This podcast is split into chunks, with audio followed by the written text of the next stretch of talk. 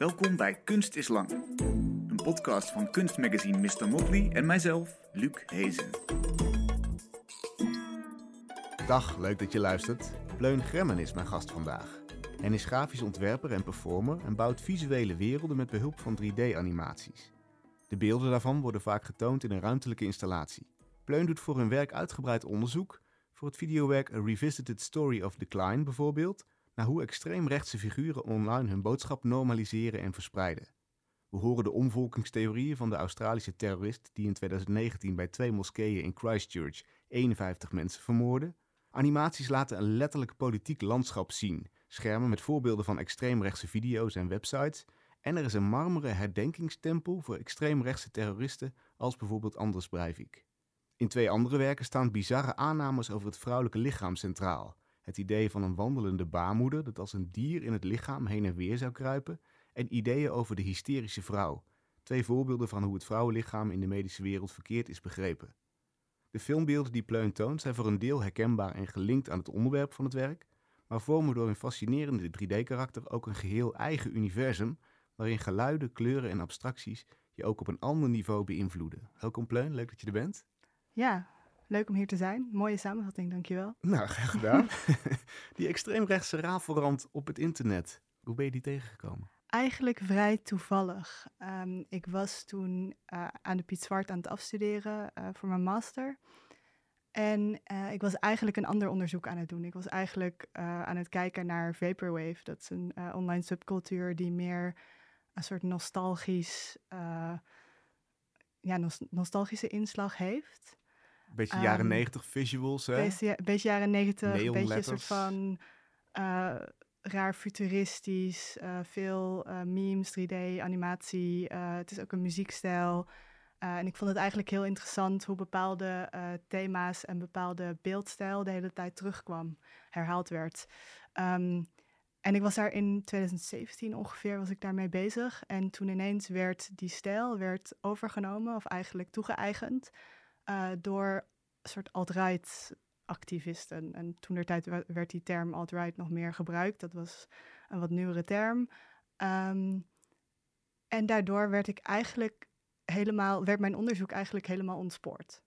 Hoe zag het eruit uh, bijvoorbeeld? Hoe kaapten ze dat, die, die stijl? Nou ja, ze noemden dat uh, Fashwave en ze uh, gebruikten dat eigenlijk voor hun eigen uh, politieke propaganda. Dus er waren allerlei memes en ook um, liedjes of songs um, die, ja, die eigenlijk helemaal uh, gingen over hun eigen uh, ideologie. Heb je een voorbeeld? Uh, ja, er is één nummer op YouTube te vinden die ik toen tegenkwam. die ook niet meer uit mijn hoofd ging, waardoor ik op een gegeven moment, omdat het zo catchy was, het, was um, het ging over de kleine zeemermin Under the Sea, maar dan met tekst van ja, dus over hun eigen ideologie. Het heette On the Alt-Right. Het was toen der tijd een beetje het soort anthem um, van de alt-right ideologie. Mm. Um, en... Dus Under the Sea wordt On the Alt-Right. Precies. En, en, en, wat zitten er dan voor teksten verder bij? Heb je een voorbeeldje? Ja, dat ging... Uh, het werd op een gegeven moment bijna een soort rap-achtig. Het ging ik, ik kan me niet zo heel goed, nogmaals 2017, ik kan me niet precies de tekst meer ja. herinneren. Maar ik weet wel dat er zoveel jargon in zat, dat ik eigenlijk in eerste instantie toen ik het voor het eerst keek, het niet helemaal kon volgen. Um, en toen werd ik steeds nieuwsgieriger van, maar wat zeggen ze dan? Want ik weet dat de ondertoon uh, extreem rechts is, uh, antisemitistisch, uh, gewoon een hele heftige ideologie. Hmm. Um, maar ik kon het dus niet volgen. Um, en toen ben ik op gaan schrijven wat in ieder geval in eerste instantie de woorden uit dat nummer betekenen. Door op internetfora, uh, 4chan toen der tijd uh, vooral, uh, om te gaan zoeken. Ook Reddit had een paar soort subreddits die ja, heel erg die ideologie propageerden. En ik heb, ja, dat, is, dat was eigenlijk het begin. Ja. En toen merkte ik dat dat onderzoek steeds groter werd en het onderzoek naar Vaporwave steeds kleiner uh, of steeds minder tijd van mijn tijd in beslag nam. Um, dus toen ben ik daarmee doorgegaan. Je had een soort rare rabbit hole gevonden eigenlijk. Ja, waar ik eigenlijk helemaal niet in wilde belanden, maar uh, deels vanuit zorgen, deels vanuit frustratie toch steeds dieper in terecht kwam. Waarom ja. baarde je zorgen? Wat kwam je tegen? Ik maakte me zorgen omdat de ideologie, uh, ja, soort neofascistisch, uh, extreem uh, rechts was, maar ik ook merkte dat het steeds groter werd. Of dat ik, ik merkte van, oh, het, is, het neemt steeds meer van, soort van deze plekken op het internet, maar dan ook heeft het weerslag in de echte wereld. Het neemt steeds meer plek in. Mm, en, hoe, zag je dat? Uh, niet alleen doordat het politieke landschap aan het veranderen was. Dus het was in die tijd was, uh, was Trump net verkozen. Um, dat had een enorme uh, weerslag. Maar ik denk ook dat, dat, ja, dat er een invloed vanuit die hoek kwam, waardoor die überhaupt verkozen werd. Ja. Yeah. Um, even kijken, een jaar later, la, later had je Bolsonaro. In ieder geval, er waren gewoon politiek gezien, ook op wereldtoneel waren er heel veel veranderingen die die kant op gingen. Hier in Nederland uh, begon Thierry Baudet een aantal dingen te zeggen die ik heel sterk vond, die me heel sterk deden denken aan bepaalde theorieën die rechtstreeks te maken hadden met wat ik op het internet tegenkwam. En dat is dan um, bijvoorbeeld een soort van omvolkingstheorie, precies. is dat populair? Hè? Dus dat er, dat er indringers tussen aanhalingstekens zouden zijn die, die, die het authentieke volk wegduwen. Precies, en als je dan leest naar wat zo'n terrorist bijvoorbeeld schrijft in zijn manifest, dan is dat precies, de, hij heeft het over precies dezelfde theorie. Ja.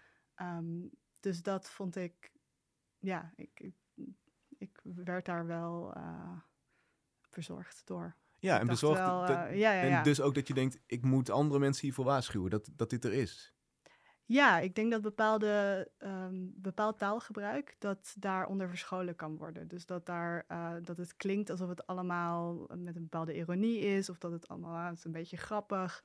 Maar de ideologie die, die daaronder schuilt, is best wel heftig. En zeker als jongeren, niet, dat, niet dat er alleen jongeren aanhangen, uh, maar op internet um, denk ik dat die groep net iets groter is, al weet ik dat natuurlijk niet zeker. Nee, ze zijn allemaal uh, anoniem natuurlijk. Ze zijn allemaal anoniem. Dus je weet op een gegeven moment ook niet hoe groot de groep is, um, waar de groep zich bevindt, ja. uh, fysiek gezien.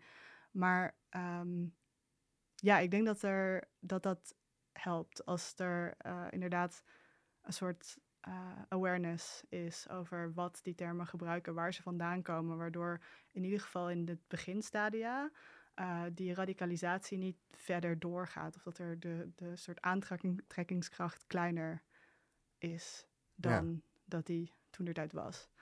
En dan denk je, ik ga daar een werk over maken. Ik ga daar een werk over maken, ja. Wat, wat, wel tot jouw middelen behoort. Je zou kunnen zeggen, maak een documentaire misschien of schrijf een ingezonde brief of zo. Maar dat, dat gebeurt misschien al. Dat wordt al door anderen gedaan, hoop je?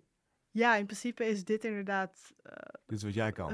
dit is wat ik kan. en goed. En ja. ik heb in principe geen illusie over dat ik dan een enorm bereik zou hebben of wat dan ook. Maar ik dacht, alle kleine beetjes helpen misschien. Ja. Uh, het komt in ieder geval op een aantal plekken waar mensen het kunnen zien of lezen.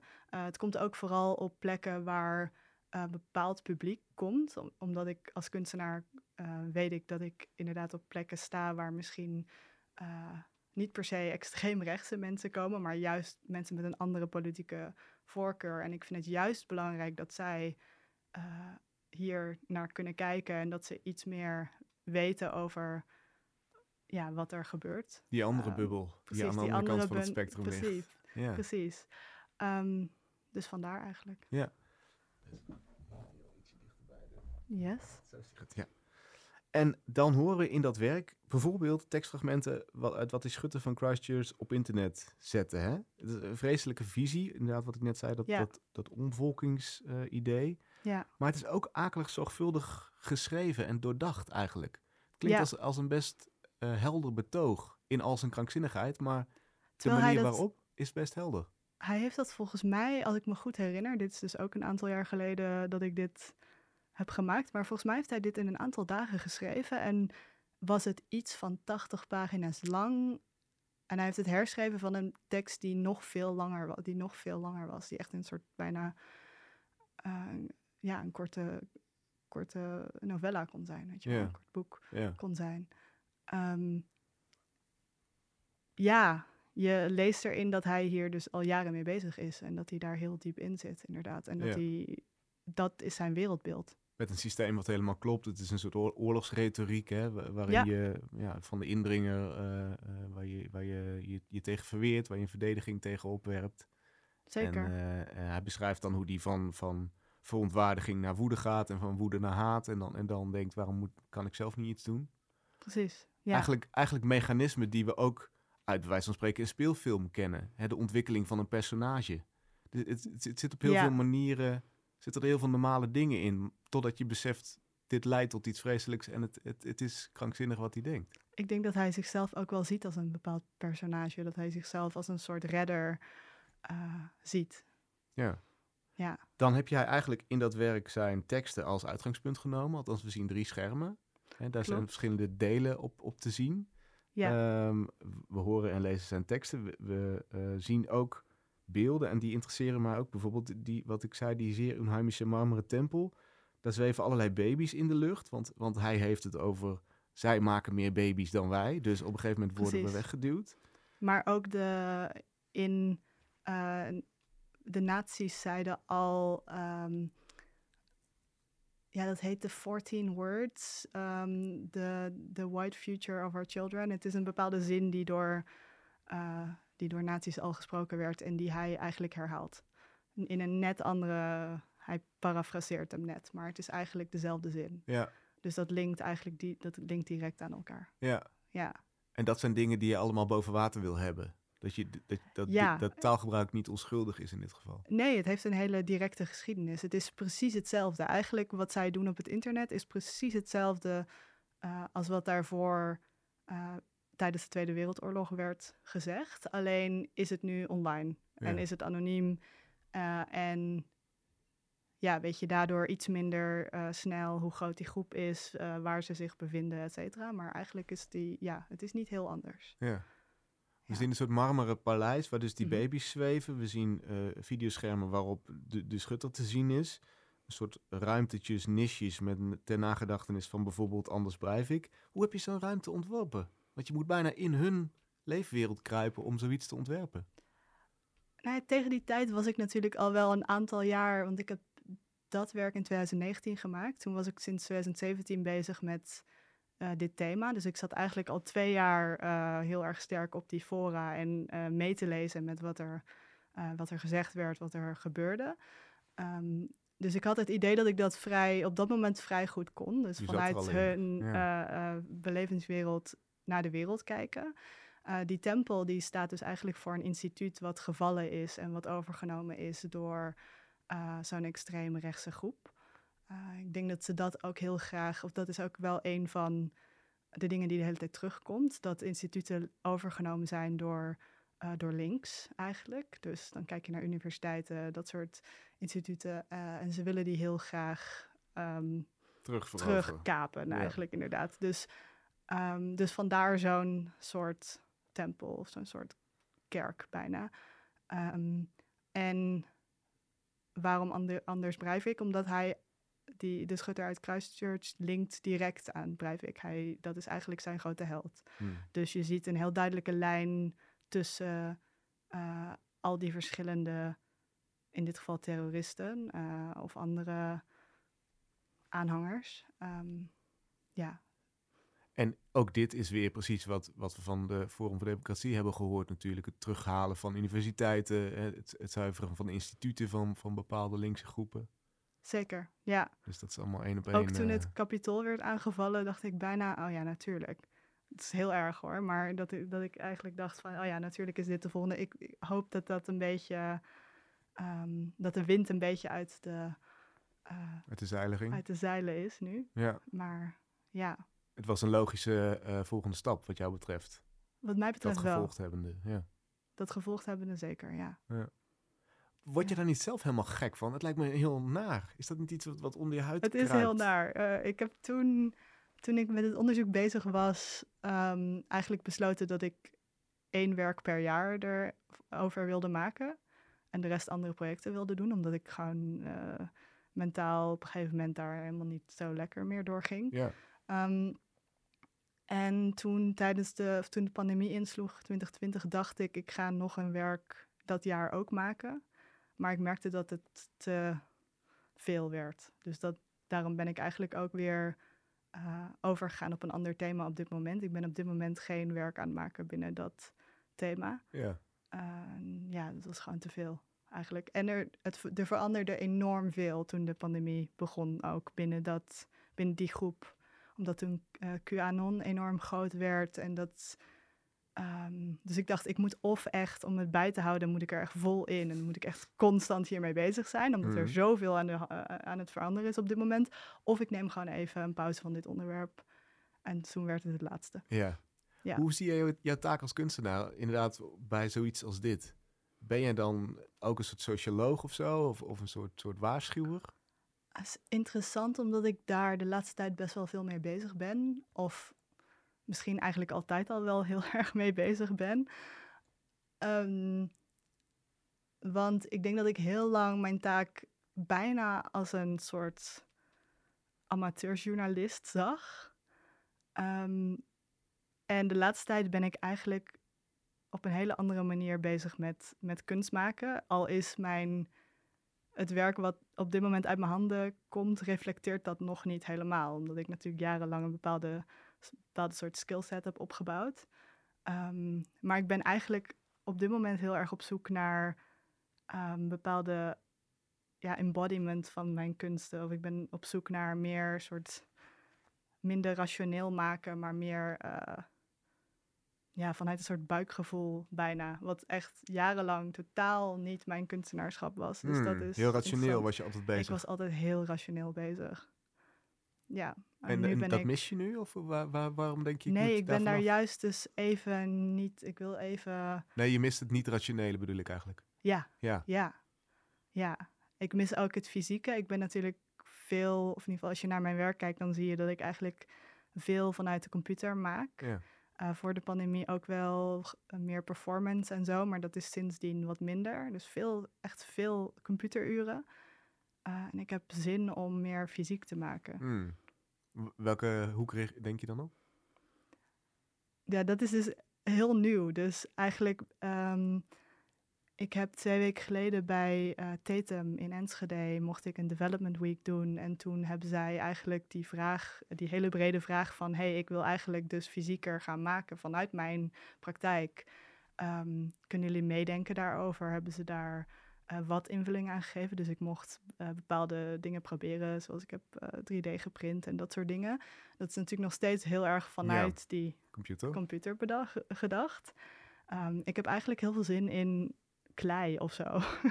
maar dat totaal is dus, analoog is. totaal analoog. Maar dat is nu, ja, dat is nu heel erg een wens. Terwijl ik de komende weken weet ik dat ik nog steeds heel erg gewoon achter de computer ga zitten. Dus dat is niet per se nu aan de hand. Mhm. Maar um, ja, dat kan een verandering zijn binnen mijn kunstenaarschap. Ik moet kijken. Ook al, ja, er zit een liefde voor het maken met de computer die nog wel blijft, denk ik. En het is een geweldig uh, medium.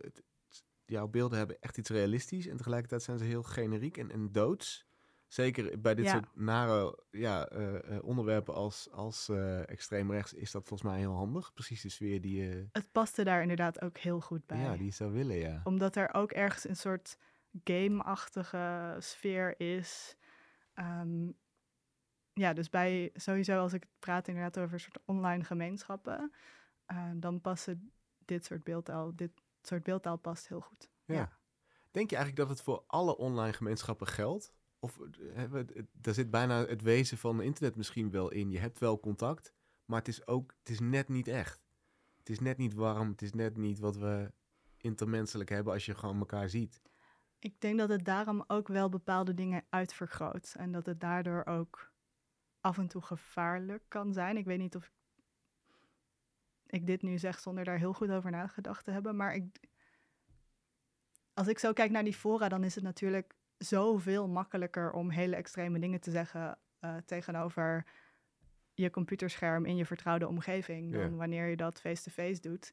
Nu wil ik niet zeggen dat er bepaalde mensen dat niet overal zouden zeggen, want er zijn dus inderdaad genoeg, een aantal mensen die uh, ook bijvoorbeeld naar bepaalde van die rallies zijn geweest en zo, die ook gewoon in het echt dat soort dingen roepen. Um, maar ik denk dat er zeker een groep is die dat niet per se zou doen.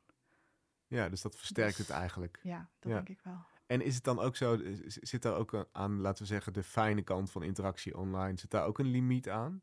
Dus uh, hoe liefdevol je naar elkaar kunt zijn, bijvoorbeeld? Zou dat verbeeld worden met diezelfde beeldtaal die net een beetje ongemakkelijk is of off is? Interessante vraag. Uh, weet ik niet zo goed. En heb ik ook minder onderzocht, merk ik nu.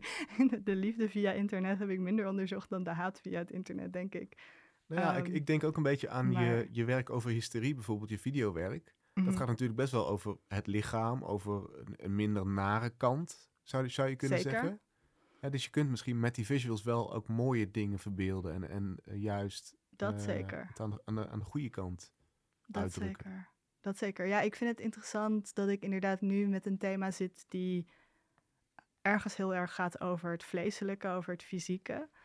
Um, en dat ik nog steeds wel mijn normale dus beeldtaal en tools gebruik om in dat onderwerp te duiken. En daar zit een bepaalde tegenstelling um, die ik nog niet per se begrijp. Of in ieder geval, ik ben daar de laatste tijd uh, over na aan het denken. Uh, misschien komt daar ook ineens de, of niet ineens, maar daar komt ook misschien extra nog de wens voor een soort ander makerschap vandaan.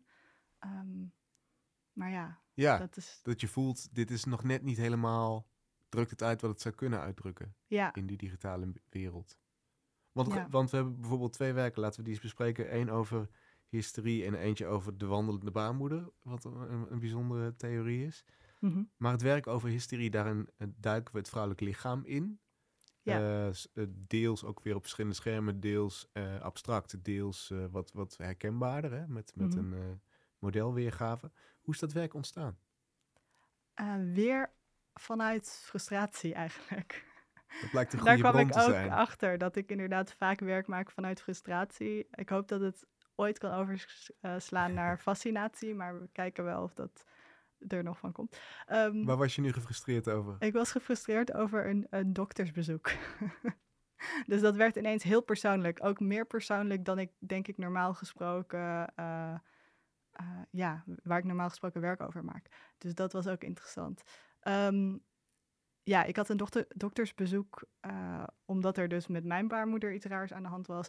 Um, en ik had daar heel erg het gevoel dat ik niet gehoord werd en dat ik eigenlijk geen stap verder kwam. Terwijl ik wel natuurlijk flink moest uh, betalen voor dat. Uh, dus dat was een soort rare. Ja, dat was een raar uur aan uh, naar het ziekenhuis gaan en dan niet, niet verder komen. Hmm. En toen vroeg ik me heel erg af: waar komt, waar komt dit nu eigenlijk vandaan? Dus ik heb nu een gesprek met zo'n dokter gehad. Hij heeft bepaalde, ja, bepaalde theorieën geleerd. Um, daar heeft hij lang voor gestudeerd. En uiteindelijk komt hij ermee van, ja, maar zit het dan niet ergens tussen je hoofd? En toen dacht ik, ja, dat is ergens ontstaan, deze manier van denken. Um, en toen ben ik inderdaad gaan zoeken en toen kwam ik uh, een tekst tegen uit, wat is het, 200 na Christus of zo. Die ging over uh, The Wandering Womb, dus de baarmoeder die vrij door het lichaam waarde. Um, en toen kwam ik nog meer teksten tegen. En toen kwam ik dus ook teksten tegen rond het jaar 1600 en rond het jaar 18 nog wat.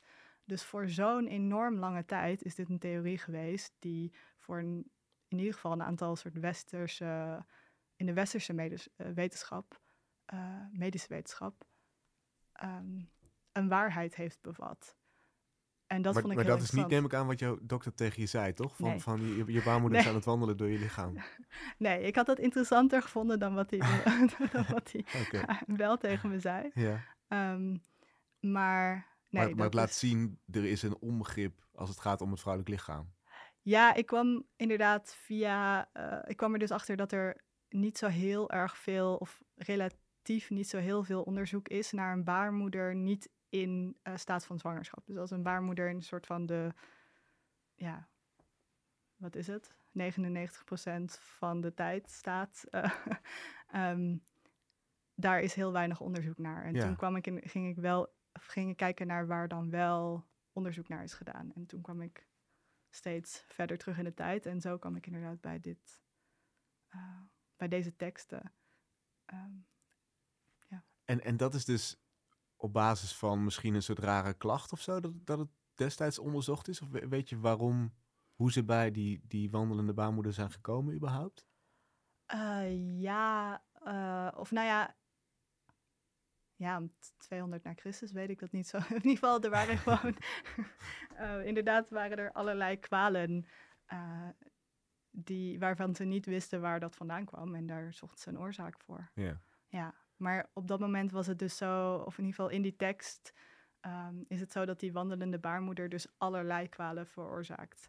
En later werd dat dan ook wel hysterie genoemd, wat ook uh, Grieks woord is voor baarmoeder überhaupt. Ah. Um, als in hystera, hystera geloof ik, is, een, is het Griekse woord voor baarmoeder. En um, ja, dus dat gaat dan van keelpijn tot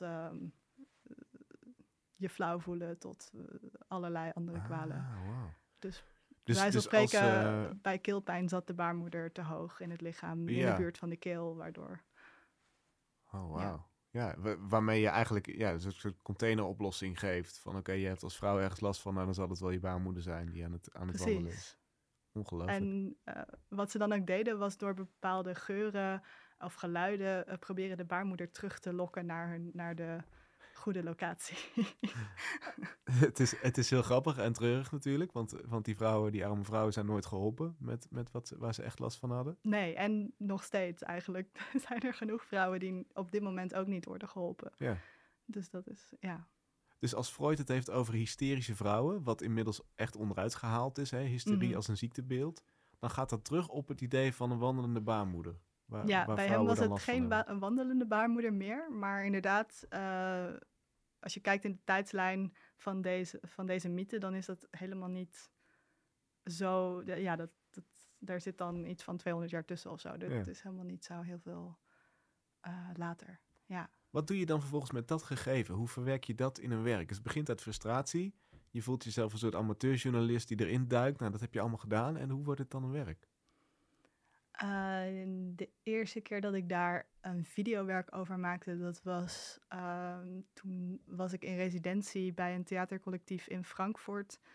Toen was ik daar um, samen met Edith van den Elze, uh, die een film-video-achtergrond heeft, was ik daar een werk over aan het maken. En dat was inderdaad een videowerk waarbij we soort digitaal door het lichaam aan het lopen waren. Op zoek naar onze baarmoeder.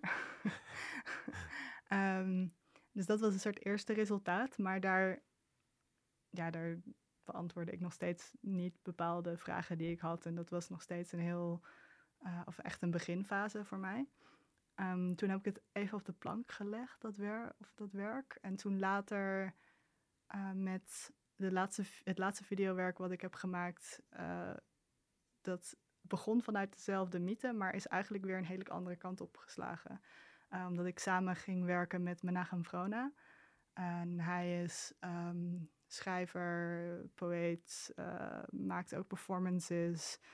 Um, heeft een filosofie-achtergrond. En hij heeft onderzoek gedaan naar tijd. voor zijn afstudeerwerk een tijdje geleden. en toen gingen we het eigenlijk hebben over de baarmoeder als creërend, uh, creërende enti entiteit. Sorry. Uh, en dan ook, maar dan eigenlijk ook helemaal uitgezoomd het universum als creërende entiteit. Oh ja. Uh, dus dat ging eigenlijk helemaal die kant weer op. En ik denk dat binnen dit onderzoek er nog steeds zoveel kanten op zijn die ik graag wil bewandelen. Um, ja, en dan inderdaad, in die video zien we een soort van kosmos. We, we, we, reizen een soort van uh, de ruimte in. Ja. Zou je kunnen zeggen. En, en daar zit dan het scheppende in. Hè? Als je uitzoomt, eh, is ons, ons sterrenstelsel, bij zo'n spreken, alles waar we in zitten, is ook ooit geschapen en, en komt ook weer ergens uit voort. Precies. Ja. Voor dat werk gingen we dus uh, kijken naar, ons, uh, naar scheppingsmythen. op dit moment naar twee. Uh, eentje was het ontstaan vanuit niets.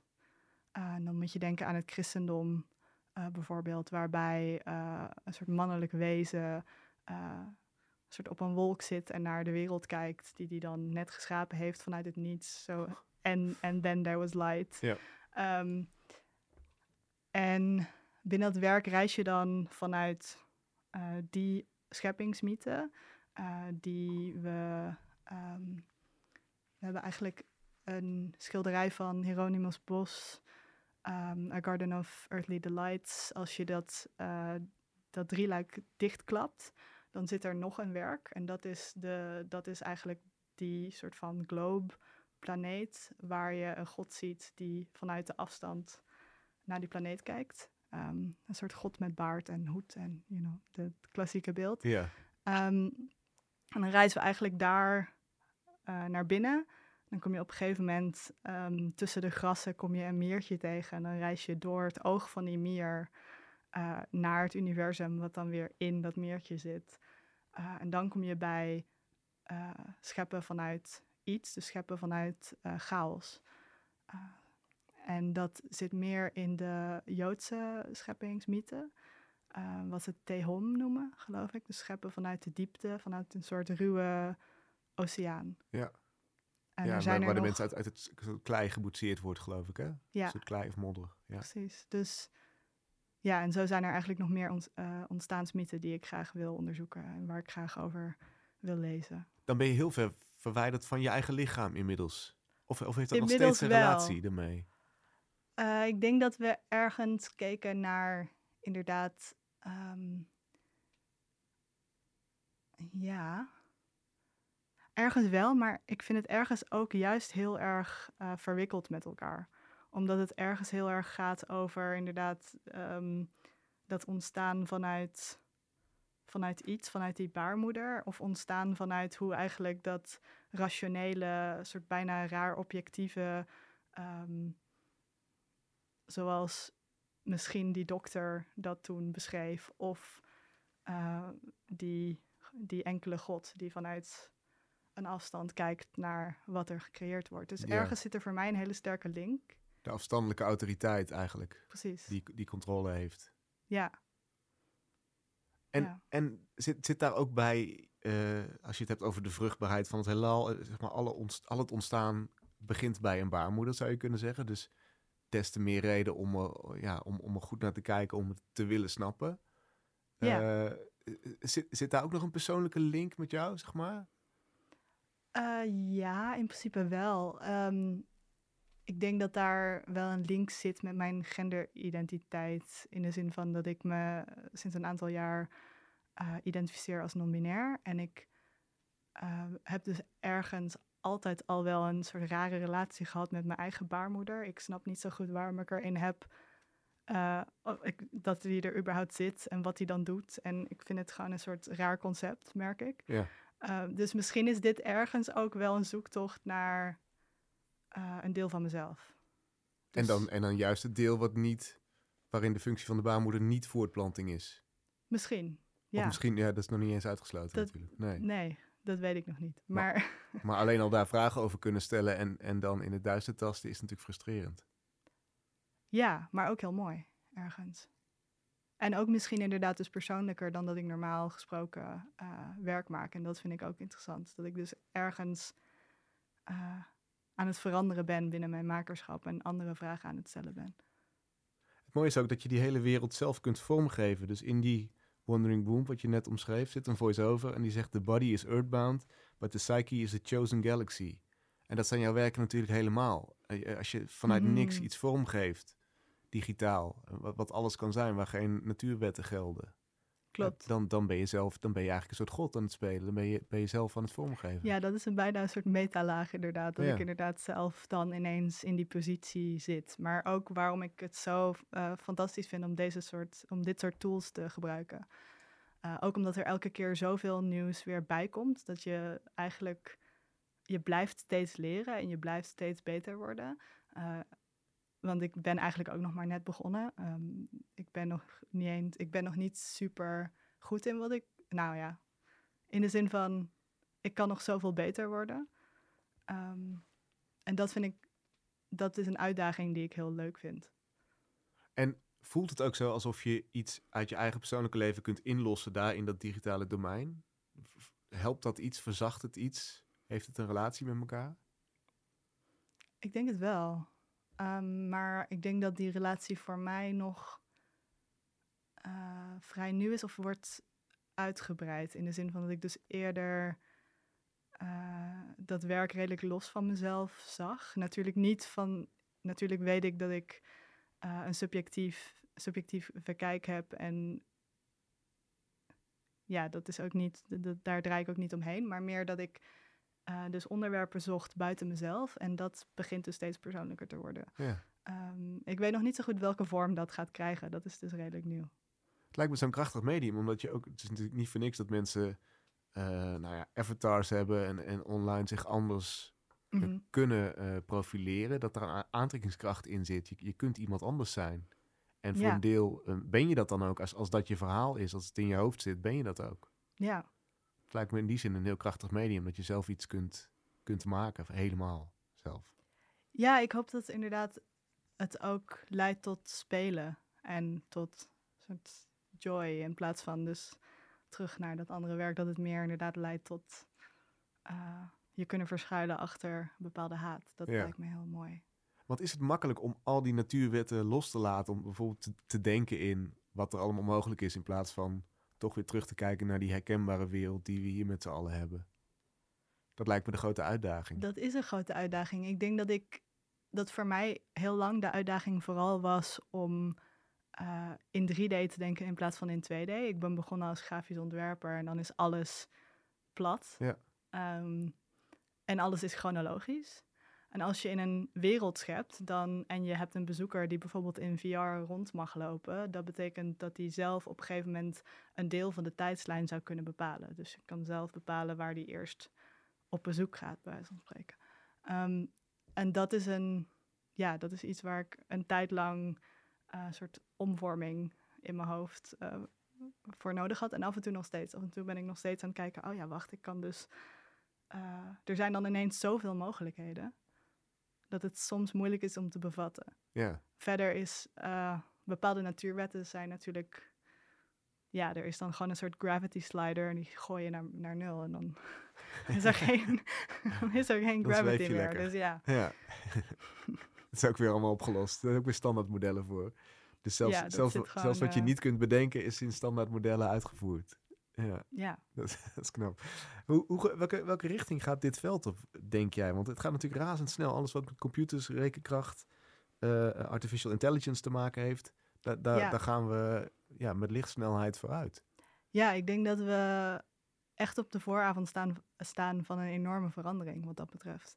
Uh, wat AI betreft, bedoel ik dan. En hoe, ehm, hoe, werkt dat in het, in het vormgeven van deze digitale werelden? Kun je daar een concreet voorbeeld van geven? Wat, bijvoorbeeld, wat je verwacht dat we over vijf jaar zouden kunnen?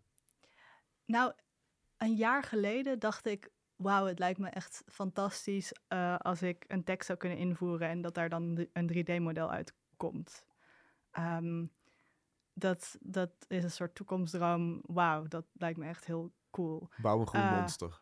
Precies. Een jaar later zijn we nog niet compleet daar, maar de eerste 3D-modellen die je inderdaad met een tekstje kan, uh, kan creëren, die, die zijn er al. Dat kan al. Dat heb ik uh, een paar maanden geleden al een keer geprobeerd. En dat, het, het, er komt nog een soort blob uit. Dus het is niet per se alsof je nou denkt, wauw.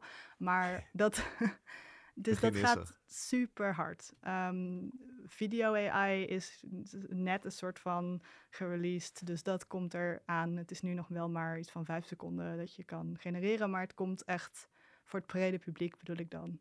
Want binnen, ja, binnen onderzoek is dat al langer, maar voor het brede publiek komt dat er echt aan. Dus dat je bijvoorbeeld zegt, uh, laat een labrador zien of zo?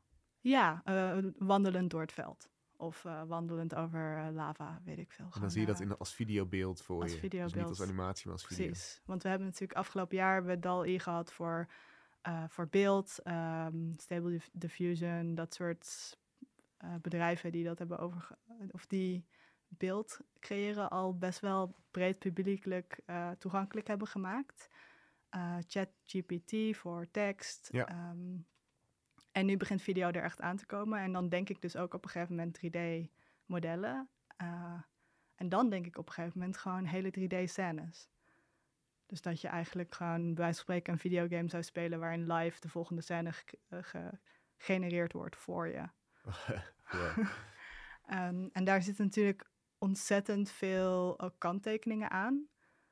Um, Als in, als je het hebt over het uitvergroten van maatschappelijke problemen, dan is dat in AI nog steeds wel echt een heel groot probleem. Er, er, um, ja, er zitten gewoon uh, databases die uh, bepaalde biases of bepaalde harm reproduceren. dat is gewoon een enorm probleem. en het is ook niet echt milieuvriendelijk.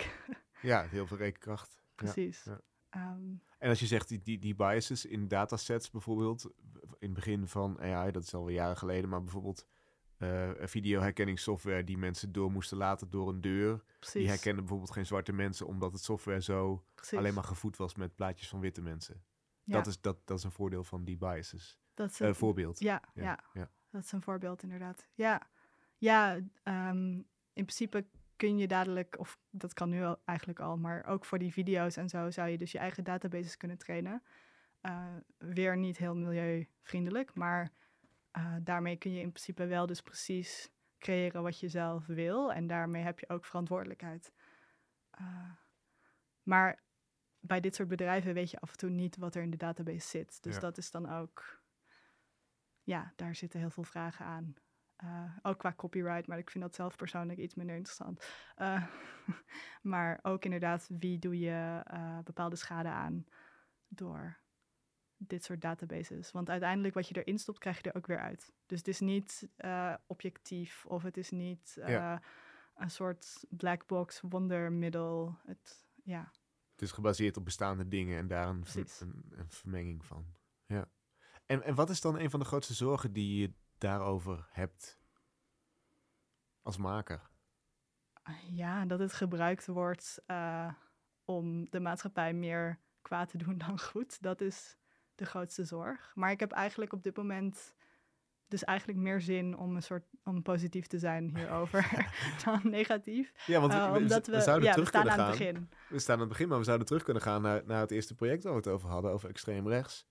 Als jij een filmpje fabriceert van, van uh, een van die indringers waar je, waar je het zo op gemunt hebt. Ja. Dan heb je gewoon een soort van videobewijs, tussen aanhalingstekens, van wat, er, van wat er misgaat. Ik denk dat sowieso de vraag wat is echt en wat is, uh, of wat is echt gebeurd, uh, dat wordt veel moeilijker. Ja, te achterhalen. Uh, te achterhalen. Dus daar zit wel gevaar in, ja. Dat zou ook nog een interessant... Daar lijkt mij de, de amateurjournalist weer in jou opspringen. Dat je zegt, oké, kan, kan ik duidelijk maken wat gefabriceerd beeld is en wat niet? Zou dat een volgend project kunnen zijn? Eventueel. Ik denk dat ik op dit moment eigenlijk dus echt meer zin heb in klei. Uh, maar uh, um, ik sluit het niet uit. Het is...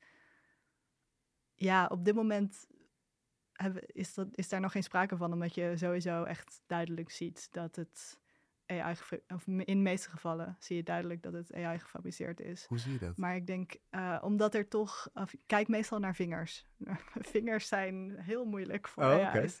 Maar ik denk dat dat binnenkort dus wel een keer opgelost gaat worden. Maar dan wordt dat veel groter dan, dan mij alleen. Dan wordt dat voor alle journalisten uh, ter wereld wordt dat een probleem. Ja. Want hoe ga je dan nog uh, inderdaad je verhaal onderbouwen? Hoe ga je, uh, wat zet je in de krant bij het spreken? Ja. Dus dat wordt dat wordt enorm groot. Ja. Fascinerend.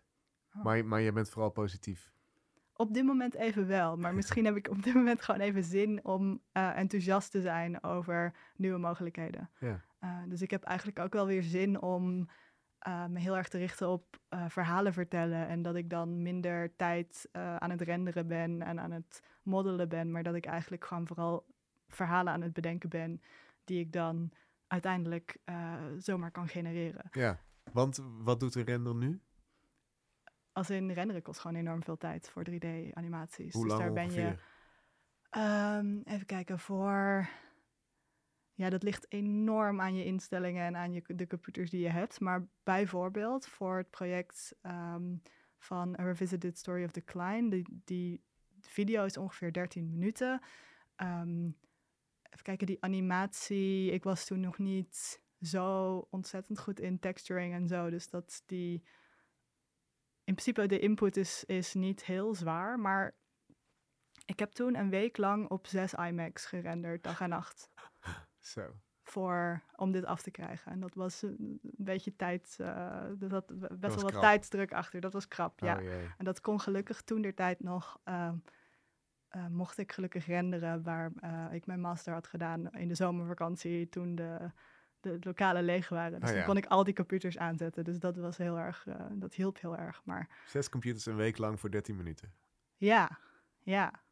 Ik denk dat je toch wel, want volgens mij heb ik toen anderhalve minuut per frame gerenderd. En ik speelde de video op 24 frames per seconde. Dus ja, reken er maar uit. Ja, dan zit je best wel veel frames. Plus, als je dus inderdaad één verkeerde move maakt, dan moet je weer een stuk opnieuw renderen. Ja. Ja krijg je toch ineens respect voor die god die dat allemaal zelf heeft zitten, zitten uitdokteren in zijn eentje. En then there was light. Ja, precies. Dat kost dan heel veel minder rendertijd. Ja, die had nog geen IMAX. Precies. Het is fascinerend. Dankjewel. Waar kunnen we je werk binnenkort zien? Uh, goeie vraag. Ik ben op dit moment een commissie aan het doen voor uh, Ramon Sama en Younes van den Broek. Uh, voor een theaterstuk dat heet uh, Udif en Utni. En die gaat in 1 en 2 juni in Rotterdam in première. Uh, in Theater Rotterdam. Even kijken wat nog meer. Ben zoveel tegelijkertijd aan het doen op dit moment. Oh, en mijn The Wandering Womb is wel te zien, maar niet in de buurt. Want ik mag, heel leuk, ik mag um, in een gallery in Nieuw-Zeeland het tonen. Dus dat is redelijk ver weg, maar wel heel tof. Ja. Ja. Komt het toch wel naar Nederland ergens in, in de. Ik hoop het wel. Als iemand plek heeft, graag. Heel goed. Plek voor de, voor de wandelende baarmoeder. Ja. Dankjewel, leuk dat je er was. Leuk. Tot zover Kunst is Lang voor deze week. Dit programma wordt mogelijk gemaakt door het Prins Bernhard Cultuurfonds, het BNG Cultuurfonds en het KF Heijn Fonds, waarvoor veel dank. We zijn er volgende week weer. Tot dan.